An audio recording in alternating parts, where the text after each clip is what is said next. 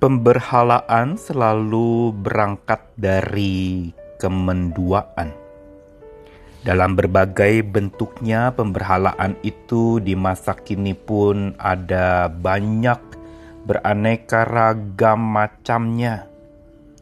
Ada berupa apa, yaitu pemberhalaan terhadap hal-hal materi, misalnya, atau uang, atau harta atau benda-benda tertentu. Tapi ada pula pemberhalaan yang bukan kepada apa tetapi kepada siapa, yaitu pengidolaan kepada satu sosok, mengagung-agungkan manusia berlebihan, dan menganggap dia begitu hebat dan super tanpa celah selalu dibela, padahal sesungguhnya dia hanya manusia biasa yang punya banyak kelemahan. Tetapi pemberhalaan itu bisa juga muncul bukan saja berupa ritus-ritus penyembahan semata, tapi ada pemberhalaan yang lebih berbahaya, yaitu pemberhalaan di dalam hati, tidak tampak, tersembunyi karena itu, pemberhalaan dalam hati ini merupakan godaan tersembunyi terhadap iman kita. Dan karena pemberhalaan berasal dari kemenduaan itu, ini berkaitan erat pula dengan persimpangan-persimpangan jalan yang dihadapi oleh seseorang.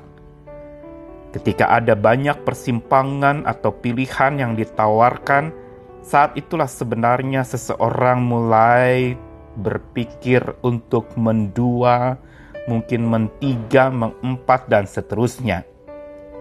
Dengan banyaknya tawaran ini sesungguhnya kita sedang diarahkan kepada banyak pilihan yang menggoda untuk tidak fokus kepada satu yang terpenting di atas segalanya. Saya Nicholas Kurniawan menemani di dalam Sabda Tuhan hari ini masih dari Mazmur 97 Mazmur Raja yang menegaskan tentang Allah sebagai Raja yang maha tinggi dan maha mulia itu. Ayat yang ke-6 sampai ke-7 dan 9 saya bacakan. Langit memberitakan keadilannya dan segala bangsa melihat kemuliaannya. Semua orang yang beribadah kepada patung akan mendapat malu orang yang memegahkan diri karena berhala-berhala, segala Allah sujud menyembah kepadanya. Ayat yang ke-9, Sebab engkaulah ya Tuhan yang maha tinggi di atas seluruh bumi. Engkau sangat dimuliakan di atas segala Allah. Lebih jauh lagi Mazmur 97 yang menegaskan tentang Allah sebagai raja yang maha mulia, raja yang membuat dunia bergembira karena keadilan dan kebenaran yang ditegakkannya serta ditegaskannya. Maka kali ini ada sebuah fakta yang dipaparkan di Mazmur ini yaitu sekalipun Allah sebagai raja justru ada banyak orang yang melakukan sebuah budaya atau kebiasaan memberhalakan. Dan pemberhalaan ini dalam kitab suci dipaparkan dengan begitu panjang lebar baik di perjanjian lama yang lebih banyak memang menegaskan tentang betapa banyaknya godaan-godaan buat umat pilihan Allah. Makanya dalam hukum Musa yang pertama dikatakan jangan ada padamu Allah lain di hadapanku. Ini merupakan pesan utama yang terpenting, mengingat ini godaan yang terutama terjadi dalam hidup iman orang percaya pada waktu itu. Ada banyak persimpangan-persimpangan jalan yang ditawarkan karena ada banyak Allah-Allah yang diajarkan pada waktu itu. Dewa-dewa yang disembah dengan segala macam bentuknya, berupa benda, ataupun mungkin berupa sosok, ataupun mungkin sesuatu yang tidak kelihatan tetapi digandrungi begitu rupa seperti berhala. Dan ini mungkin saja terjadi di dalam kehidupan kita sehari-hari di masa kini pula. yaitu ketika kita di tengah-tengah pergumulan yang berat dihadapkan pada persimpangan untuk iman kita tergoda, sehingga menyimpang. Apalagi ketika kita ingin cari gampang, kita ambil jalan instan yang sebenarnya menyimpang dari kebenaran dan tidak sesuai dengan firman Tuhan. Dan Mazmur 97 ini menegaskan bahwa sekalipun semua orang beribadah kepada patung-patung atau berhala-berhala, mereka bermegah diri di dalam pemberhalaan itu. Padahal dikatakan semua Allah sujud menyembah kepada Allah yang berkuasa yaitu Raja yang maha mulia dan maha tinggi itu. Allah Yahweh yang dipercayai oleh orang pada waktu itu. Inilah yang sebenarnya dan seharusnya dipuja, diutamakan, karena dialah yang maha tinggi dan maha mulia. Ungkapan Maha Tinggi dan Maha Mulia ini sekaligus mau menegaskan tentang arah iman kita, yaitu kepada Allah yang satu-satunya yang tertinggi, yang patut kita puja dan puji. Saat-saat di mana kita ada di persimpangan jalan, saat itulah kita sebenarnya sedang diuji. Diri kita, tinggi hatikah kita?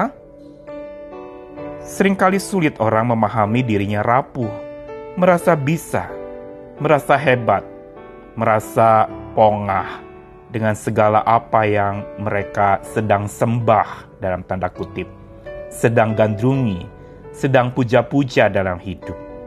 Dan kemegahan inilah yang sebenarnya Tuhan tolak habis-habisan.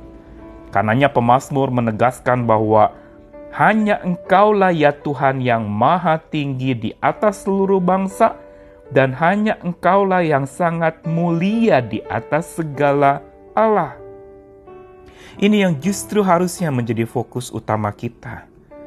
Kondisi persimpangan hari ini di tengah berbagai macam kesengsaraan dan kesusahan sering kali justru menjadi sarana untuk kita tergoda dan menyimpang dari iman kita demi cari gampang tapi ingat juga saat itu kita sedang diuji, agar tetap rendah hati, menyadari bahwa kita tidak bisa apa-apa tanpa Tuhan. Kita tetap membutuhkan Dia yang Maha Tinggi. Kita hanya debu, Dia yang Maha Mulia, dan kita sama sekali tidak mulia, tetapi sedang diproses oleh Tuhan agar makin hari makin menjadi pribadi yang mulia oleh kemuliaan Tuhan.